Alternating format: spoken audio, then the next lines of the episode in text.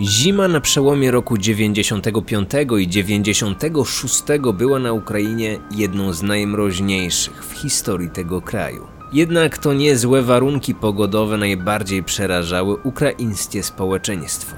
Znacznie większy strach odczuwali oni z powodu grasującego w kraju szaleńca. Spotkanie z tym nieuchwytnym, seryjnym zabójcą oznaczało pewną śmierć. 37-letni morderca pod osłoną nocy samotnie przemierzał wsie położone w odludnych rejonach. Uderzał nagle, wybierając przypadkowe domy. Mordował całe rodziny. Nie miał litości nawet dla niemowląt. Nie przeżył nikt, kto stanął na drodze Anatolija Onoprienki. Kryminatorium. Otwieramy akta tajemnic. Do pierwszego ataku doszło we wsi Hamernia w obwodzie żytomierskim 24 grudnia 1995 roku, około godziny trzeciej nad ranem, gdy rodzina Zajczenko pogrążona była w głębokim śnie, Onoprijenko podszedł pod ich nowo wybudowany dom. Wszedł po stojącej drabinie i przez okno na pierwszym piętrze dostrzegł Nikołaja Zajczenka i jego trzyletniego synka, który spał w łóżku obok. Strzelił dwukrotnie przez szybę, zabijając ich obu. Gdy wszedł do środka, żona Zajczenki, trzymając na rękach trzymiesięczną córkę, zaczęła błagać o litość. Ale Onoprienko nie odpuścił. Zadźgał ją nożem, a dziewczynkę udusił gołymi rękami. Po dokonaniu zbrodni ukradł biżuterię, pieniądze i trochę ubrań.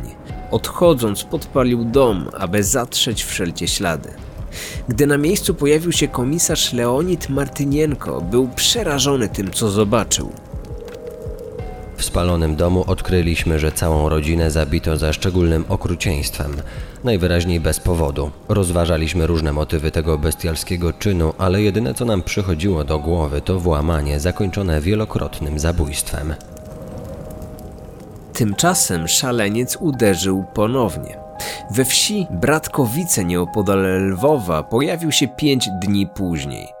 Najpierw 29 grudnia we własnym domu zginął samotny mężczyzna, a już następnego dnia Onoprienko zaatakował po drugiej stronie wsi. Małżeństwo Kriczkowskich i goszczące u nich dwie siostry, Gałuszka, podzielili los poprzednich ofiar. Tak jak wcześniej, oba domy spłonęły. Martynienko miał już pewność. Ataku dokonał ten sam sprawca. Po drugim napadzie byłem już przekonany, że mamy do czynienia z szaleńcem. Obejrzeliśmy miejsce zbrodni, poznaliśmy jej okrucieństwo i byliśmy pewni, że morderstw dokonał człowiek odpowiedzialny za poprzednie zabójstwa. Ataki stawały się coraz brutalniejsze. W okolice Zaporoża zabójca zawitał 5 stycznia 96 roku i od razu zabrał się do pracy. W morderczym szale przemierzał nocą wyludnione ulice, zatrzymywał przypadkowe samochody, po czym strzelał do kierowców i okradał ich ze wszystkich wartościowych przedmiotów. Zatrzymałem samochód i strzeliłem do kierowcy przez okno. Gdy go trafiłem, jadąca z nim kobieta wyskoczyła z auta i pobiegła po pomoc. Chyba nigdzie jej nie znalazła, bo wkrótce wróciła. Ją też zabiłem. Ich ciała wrzuciłem do bagażnika. Odjechałem w bezludne miejsce i podpaliłem samochód.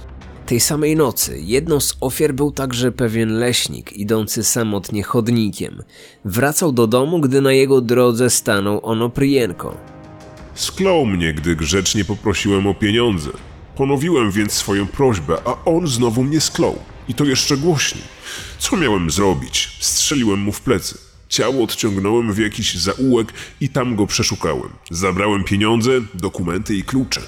Nie miał nic wartościowego, więc zabrałem mu chociaż kurtkę. W ciągu dwóch nocy zabił siedem osób, po czym wrócił do Bratkowic. Panujący wówczas siarczysty mróz sprawiał, że linie energetyczne często ulegały przerwaniu. Zaciemnione wtedy wioski stawały się idealnym miejscem na łowy, z czego Onoprienko chętnie korzystał. Do końca stycznia 96 roku miał na swoim koncie 29 zabójstw i nie powiedział jeszcze ostatniego słowa. Ukraińscy śledczy podjęli zakrojone na szeroką skalę śledztwo w sprawie seryjnych zabójstw. Jednak niestabilne warunki polityczne, jakie panowały w kraju, skutecznie utrudniały im pracę. Władze za wszelką cenę starały się wymusić na milicji ukrycie przed opinią publiczną faktu, że morderca wciąż pozostaje na wolności.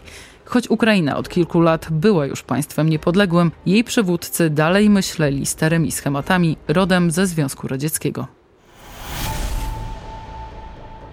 Plotki o dokonywanych morderstwach bardzo szybko zaczęły krążyć po ukraińskich wsiach. Milicja nie mogła już dłużej ukrywać, że mieszkańcom okolicznych domów, zwłaszcza tym położonym na odludziu, grozi wielkie niebezpieczeństwo. Wkrótce o zbrodniach zaczęły pisać wszystkie gazety. Dziennikarze opisywali mordercę jako bezduszną maszynę do zabijania, nadając mu przydomek Terminator – Tymczasem błądzący po omacku milicjanci nocami przeczesywali zarówno wsie, jak i ulice miast. Szukali grasującego na Ukrainie szaleńca. Całą akcją kierował szef miejscowej milicji, Bogdan Romaniuk. Dochodzenie prowadziły dwa zespoły doświadczonych funkcjonariuszy. Byli wśród nich zarówno starsi, jak i młodsi służbą milicjanci. Jedni poszukiwali jakichkolwiek śladów na miejscach zbrodni, drudzy sprawdzali wszystkie możliwe zakamarki. Milicjanci otrzymali wówczas jasne wskazówki, na co mają zwracać uwagę. Wiedzieli, jak zabójca się zachowuje i to, że działa tylko w nocy. Rozkazałem im sprawdzić każde miejsce i reagować na każdy dźwięk, nawet taki jak szczekanie psa. Za cel obrał teraz małe wsie w okolicy Żytomierza. W lutym liczba jego ofiar powiększyła się o kolejne dziewięć osób, w tym małżeństwo Siergieja i Galiny Bondarczuk oraz ich dwojga dzieci, dziewięcioletniego Walerego i siedmioletnią Tanię. Miejscowe gazety po atakach w ich mieście nadały mu nowy przydomek. Dla nich Onoprienko był teraz bestią z Żytomierza, Siostra Galiny, Natalia, po latach w wywiadzie dla Gazety Żytomierskiej tak wspominała tragedię, jaka spotkała jej rodzinę. Nie było późno, więc moja siostra i jej mąż jeszcze nie spali. Położyli już dzieci do łóżek, a sami krzątali się po domu. Zamknęli drzwi i pogasili światła. Jakieś pół godziny później usłyszeli dźwięk tłuczonej na parterze szyby. Sierdziej chwycił za siekierę i wybiegł przed dom. Ukryty w ciemności, uzbrojony w obrzyn, Onoprienko tylko na to czekał. Pociągnął za spust, zabijając mężczyznę na miejscu. Odciągnął ciało Sierdzieja i cierpliwie czekał przed drzwiami na moment, gdy z domu wyjdzie Galina, aby sprawdzić, co się stało. Wepchnął ją do środka. Gdy tylko Galina odwróciła się, zabił ją jednym strzałem. Leżała w kałuży krwi, a on przetrząsał dom. Zaglądał do szafek i szuflad, ale niczego nie znalazł. Gala miała jedynie kolczyki w uszach i złoty łańcuszek, prezent ślubny od męża. W domu nie było pieniędzy, gdyż oni ledwo wiązali koniec z końcem. Na piętrze Onoprienko odnalazł śpiące dzieci. Zabił najpierw Tanie, potem Walerego. Tym razem nie podpalił miejsca zbrodni. Spieszył się, aby jak najszybciej opuścić miejscowość i wrócić do domu. W jego mieszkaniu w Jaworowie, leżącym 20 km od granicy z Polską, czekała na niego narzeczona. Dla Anny Kozak Onoprienko był cichym i łagodnym mężczyzną, któremu bezgranicznie ufała. Gdy mówił, że prowadzi interesy w całym kraju i często wyjeżdża w podróże służbowe, kobieta nie miała powodów, by w to nie wierzyć. Anatolii był także czułym i troskliwym tatą dla jej dzieci z poprzedniego małżeństwa. Zawsze przywoził im drogie prezenty. Anna dostawała biżuterię, a dzieci zabawki i sprzęt elektroniczny. Nie mieli pojęcia, że prezenty, które otrzymywali, tak naprawdę należały do ofiar Terminatora. Ze swoich wypraw zwoził buty, ubrania, magnetofony, a nawet garnki i talerze. Zawsze mówił, że wszystkie przedmioty kupował na targu z używanymi rzeczami.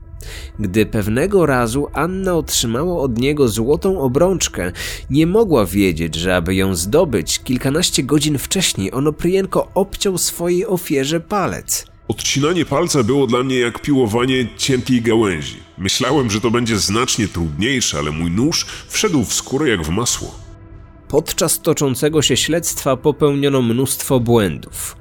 Ukraińscy milicjanci wbrew zapewnieniom swoich szefów nie byli przygotowani do tak trudnego dochodzenia. Zdecydowana większość z nich do tej pory nie miała do czynienia z tak poważnymi przestępstwami. Psychopatycznych, seryjnych morderców widzieli jedynie na amerykańskich filmach. Na wniosek ministra spraw wewnętrznych Ukrainy Jurija Krawczenki utworzony został specjalny oddział, którego jedynym zadaniem było schwytanie Terminatora. Na jego czele stanął jeden z najlepszych ukraińskich śledczych, Wiktor Korol, który od razu zabrał się do pracy.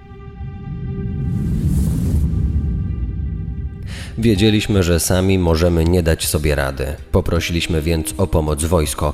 Na naszą prośbę zamknięto szkoły w rejonach, gdzie doszło do morderstw. Uzbrojone patrole milicji i wojska obserwowały teren przez całą dobę, zupełnie jak podczas jakiejś wojny. Milicjanci otrzymali również kategoryczny zakaz rozmawiania z miejscową ludnością. Na pytanie, dlaczego jest ich tak wielu, mieli odpowiadać, że są to tylko specjalne ćwiczenia. Ludzie czytali jednak artykuły w prasie na temat grasującego szaleńca i wiedzieli swoje. Każdego dnia zatrzymywano kilkaset najbardziej podejrzanych osobników – Głównie byli to ludzie bezdomni lub mężczyźni pochodzący z tak zwanego marginesu społecznego. Nikt oczywiście do niczego się nie przyznawał. Najstarsi funkcjonariusze, którzy pamiętali jeszcze radzieckie metody przesłuchań, próbowali siłą zmusić podejrzanych do odpowiednich zeznań. Rosyjski pisarz Nikołaj Modestow w książce Syryjni zabójcy krwawe kroniki rosyjskich maniaków opisał, jak podczas jednego z zatrzymań w ręce milicjantów trafił 26-letni ślusarz Jurij Mozol. Mężczyzna był drobnym złodziejaszkiem, podejrzewanym przez sąsiadów o kilka włamań do wiejskich gospodarstw. Ktoś niby widział go na miejscu zbrodni. Ktoś inny słyszał, jak pijany Jurij przyznał się kolegom do morderstw. Kilka plotek wystarczyło, by mężczyzna znalazł się w kręgu głównych podejrzanych. Yuri nie chciał jednak przyznać się do bycia poszukiwanym terminatorem. Z pomocą ruszyła ukraińska służba bezpieczeństwa, która przewiozła podejrzanego do swojej lwowskiej siedziby. Tam przez trzy dni sześciu funkcjonariuszy w obecności prokuratora krajowego torturami próbowało wymusić przyznanie się do winy. Bicie, przypalanie ogniem i rażenie prądem spowodowały, że Juri Mozol zmarł podczas przesłuchania. Gdy skandal wyszedł na jaw, wszyscy obecni przy przesłuchaniach funkcjonariusze wylądowali w więzieniu, a rodzina zmarłego otrzymała wysokie odszkodowanie. W marcu 96 roku plotki powtarzane wśród mieszkańców Ukrainy nasiliły się. Milicja, nie mając wyboru, została zmuszona do wydania oficjalnego oświadczenia. Opinia publiczna poinformowana została o grasującym po kraju maniaku, odpowiedzialnym o dokonanie 38 okrutnych morderstw. Nocami mieszkańcy wsi barykadowali się w swoich domach. Wszędzie wyczuć można było atmosferę panicznego strachu. Ludzie montowali w oknach kraty, a piwnice przystosowywali do ukrycia się tam w razie napadu na ich dom. Tymczasem atakujący na ślepo szaleniec wciąż pozostawał na wolności, a jego łowy trwały. 14 marca zamordował rodzinę Calko z Żytomierza, a ich dom oczywiście podpalił. Nie pozostawił ani świadków, ani dowodów. Osiem dni później powiadomił Annę, że znów wybiera się w podróż. Tym razem interesy miał robić niedaleko Lwowa. 22 marca pojawił się w oddalonej o kilkanaście kilometrów na wschód Lwowa wsi Busk. Ślepy los poprowadził go pod dom czteroosobowej rodziny Nowosadów. Jak się miało wkrótce okazać, były to ostatnie ofiary ukraińskiego Terminatora. 14 kwietnia 96 roku, dokładnie miesiąc po ostatniej zbrodni, do lwowskiego komisariatu milicji zadzwonił zdenerwowany mężczyzna. Twierdził, że mieszka w jednym z bloków w Jaworowie i kilka minut wcześniej widział, jak jego sąsiad, wychodząc z mieszkania, próbował ukryć w swojej torbie strzelbę. Dla Wiktora Korola był to ważny ślad. Kierowany przez niego zespół natychmiast podjął ten trop. Brakowało nam dowodów, więc musieliśmy zaryzykować. Zatrzymanie osoby niewinnej skończyłoby się tylko nieprzyjemną konfrontacją z władzami, które oczekiwały od nas natychmiastowych rezultatów. Ale co jeśli to rzeczywiście on? Milicjanci pytali mnie, jak mają się zachować w konfrontacji z doświadczonym zabójcą, nie wahającym się mordować z zimną krwią. Bali się. Wszyscy się baliśmy. Dwa dni później kilka nieoznakowanych radiowozów podjechało pod wskazany blok w Jaworowie. Obstawiając wszystkie możliwe wyjścia, funkcjonariusze próbowali uniemożliwić podejrzanemu ucieczkę.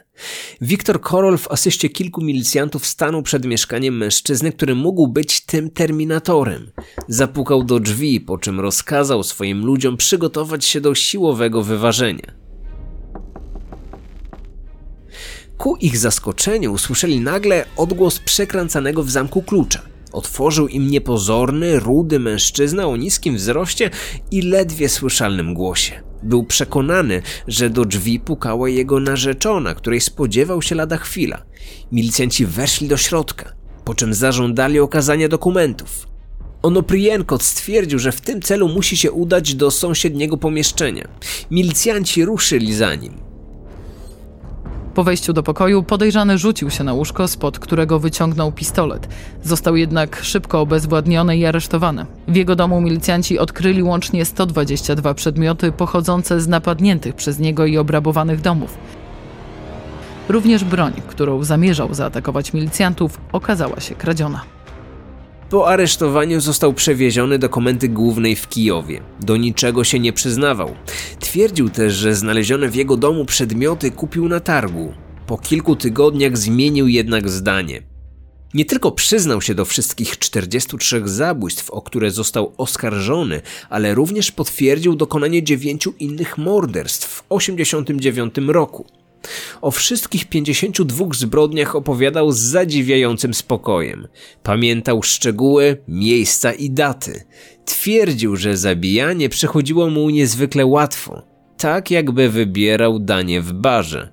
Obserwowałem swoje ofiary, patrzyłem jak umierają. Widziałem ostatnie minuty, ostatnie sekundy ich życia. Nie kierowała mną chęć kradzieży, tylko okrucieństwo. Nie umiem tego wyjaśnić. Chciałem przerażać ludzi, a milicję wprowadzać w błąd. Zapytany dlaczego zabijał również małe dzieci, Onoprienko stwierdził, że robił to z dobrego serca. On sam został w dzieciństwie oddany przez ojca do domu dziecka. Jak wspominał, to był najgorszy okres w jego życiu. Gdy więc zabił rodziców, nie mógł pozwolić, aby dzieci trafiły, tak jak on kiedyś, do sierocińca. W taki sposób tłumaczył to śledczym.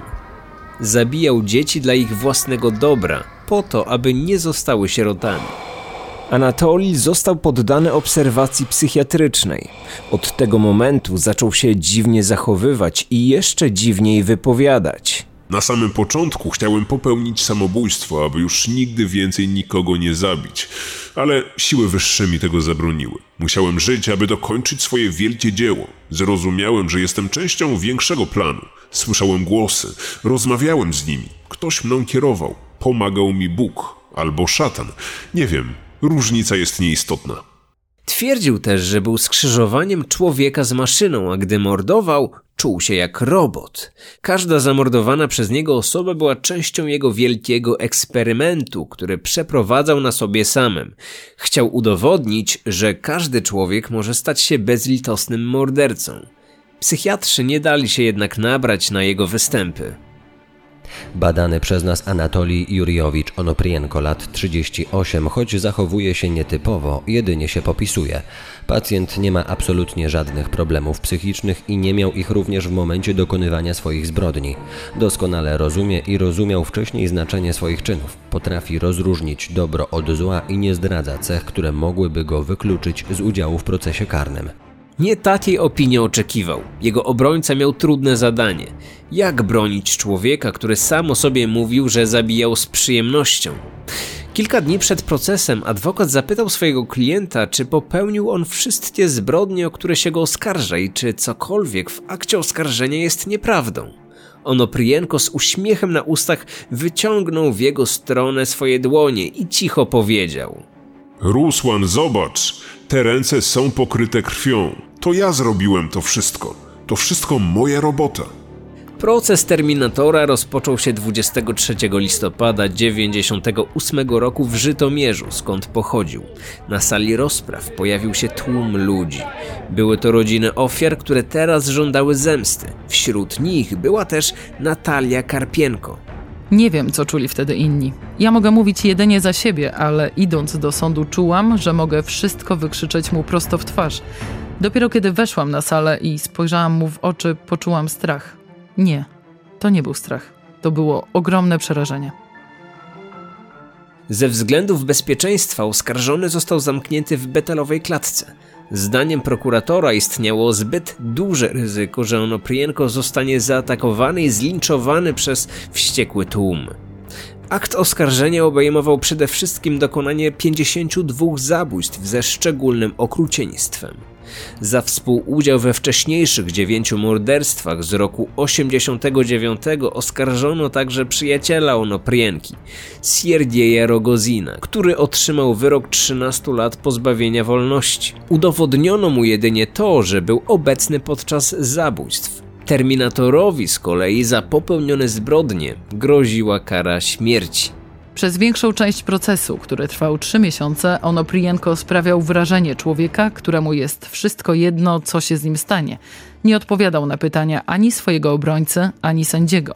W książce Seryjni mordercy Arkadiusz Czerwiński i Kacper Gradoń opisują jego zachowanie na sali rozpraw. W sądzie miał bardzo mało do powiedzenia. Zapytany, czy chce złożyć oświadczenie, wzruszył ramionami, powoli podszedł do mikrofonu i odrzekł tylko: Nie, nic. Poinformowany o przysługujących mu w trakcie postępowania sądowego prawach, wycedził. To wasze prawo, a ja uważam się za zakładnika. Poproszony o podanie swojej narodowości, odpowiedział. Żadna. Gdy sędzia Dmitrij Lipski powiedział, że to niemożliwe, odparł. Dobra, w świetle prawa panów milicjantów jestem Ukraińcem. W sądzie milczał, ale w kontaktach z prasą był bardzo rozmowny. Według autora książki Krwawa biografia Życie i zbrodnie najbardziej krwawego seryjnego mordercy XX wieku w licznych wywiadach opowiadał o swoim trudnym dzieciństwie, śmierci jego matki i nienawiści, jaką czuł do ojca za to, że ten oddał go do sierocińca. Pamiętam do dziś, jak ojciec patrzył na mnie i mówił, że odda mnie do sierocińca. Nie czuję do niego żalu, ale wspomnienie jego głosu wciąż napawa mnie przerażeniem. Mówił też o wielkim rozczarowaniu, jakiego doznał, gdy okazało się, że nikt go nie szukał po pierwszych zbrodniach, dokonanych przez niego w 1989 roku. Chciał być najsłynniejszym europejskim seryjnym mordercą, ale prasa nie napisała o tym ani słowa. Wtedy wyjechał do Niemiec, a gdy wrócił sześć lat później, postanowił dokończyć swoje dzieło. Często podkreślał, że proces nie robi na nim żadnego wrażenia. Chcą mnie ukarać, ale ja mam to gdzieś. Jestem tylko aniołem prowadzonym przez szatana. Rozumiem, że możecie nazywać mnie psycholem i szaleńcem. Możecie nawet mówić, że jestem wcieleniem Hitlera. Nie obchodzi mnie to. Najważniejsze jest dla mnie to, że zostanę zapamiętany. 1 kwietnia 1999 roku sędzia wydał wyrok. Anatolij Onoprienko został skazany na karę śmierci przez rozstrzelanie. Terminator przyjął wyrok ze spokojem. Zabronił też swojemu adwokatowi odwoływać się od tego wyroku. Twierdził, że chętnie umrze, bo jest ciekawy, co czeka go po śmierci. Przed rozstrzelaniem uratowała go polityka. Na Ukrainie w związku z jej członkowstwem w Radzie Europy obowiązywało moratorium na wykonywanie kar śmierci.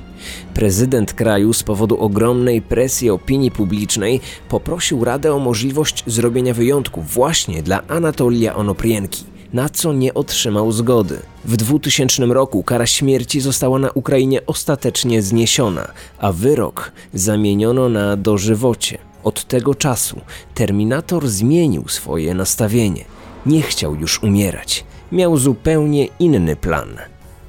Ucieknę i następnym razem nie dam się już złapać. Będę ostrożniejszy. Nie mam wątpliwości, że kiedyś uda mi się stąd uciec, a wtedy będę jeszcze gorszy niż byłem. Szczególnie dla tych, którzy mnie obrażali. Zawsze chciałem zabić 360 osób. To jest mój jedyny plan. A czy zabiję 10 osób mniej czy więcej, nie zrobi mi to żadnej różnicy. Swojego szaleńczego planu Onoprienko nie miał na szczęście okazji wykonać. Zmarł na atak serca 23 sierpnia 2013 roku w żytomierskim więzieniu. Do końca swoich dni pozostał butny i arogancki. Nigdy nie okazał nawet najmniejszej oznaki skruchy. Nie miał też żadnych wyrzutów sumienia. Niczym prawdziwy terminator. Kryminatorium. Otwieramy akta tajemnic.